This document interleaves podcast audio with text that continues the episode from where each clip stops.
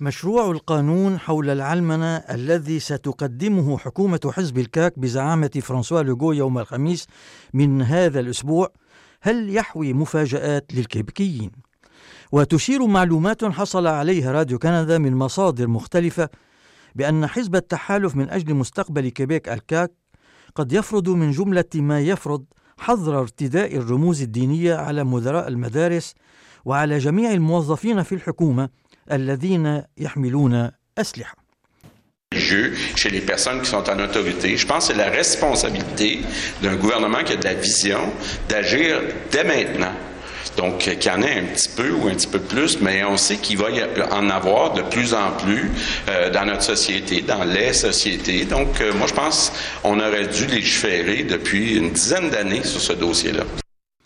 وتشير الدلائل إلى أن حكومة الكاك ستأخذ أيضا توصيات منسية من تقرير لجنة بوشار تايلور فيما يسمى بالتسويات المعقولة على المستويات الثقافية والدينية ومن جملتها حظر ارتداء الشعائر الدينية بالنسبة لرئيس ونواب رئيس الجمعية الوطنية برلمان كيبيك.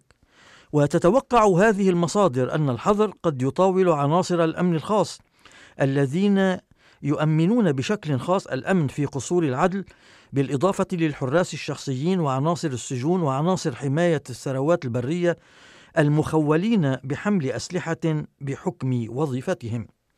كما يطاول المفتشين على الطرقات الحاملين أسلحة متوسطة مثل العصي أو الهراوات التلسكوبية ورذاذ الفلفل ما يفرض عليهم الخضوع لنصوص مشروع القانون. من جهته الفريق التابع للوزير المسؤول عن العلمنة سيمون جولان باريت. سيحدد أيضا ما إذا كانت سلطة الإكراه لا تستخدم فقط من قبل القضاة أو المدعين العامين أو الشرطة. إن حكومة حزب الكاك التي تعهدت بحظر ارتداء الرموز الدينية بالنسبة للمعلمين في مرحلتي الدراسة الابتدائية والثانوية قد تذهب أبعد من ذلك بضم إلى هذه اللائحة إدارات المدارس في مشروع قانونها.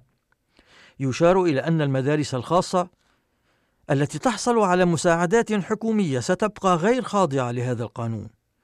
كما جاء على لسان فرانسوا لوغو حين اجتماع ممثلي الحزب مطلع السنة في جاتينو. ويعتقد بأن مشروع القانون سيتضمن بند الحقوق المكتسبة التي تحمي موظفي الدولة من الذين يحملون رموزا دينية وعددهم لا يتجاوز 500 شخص.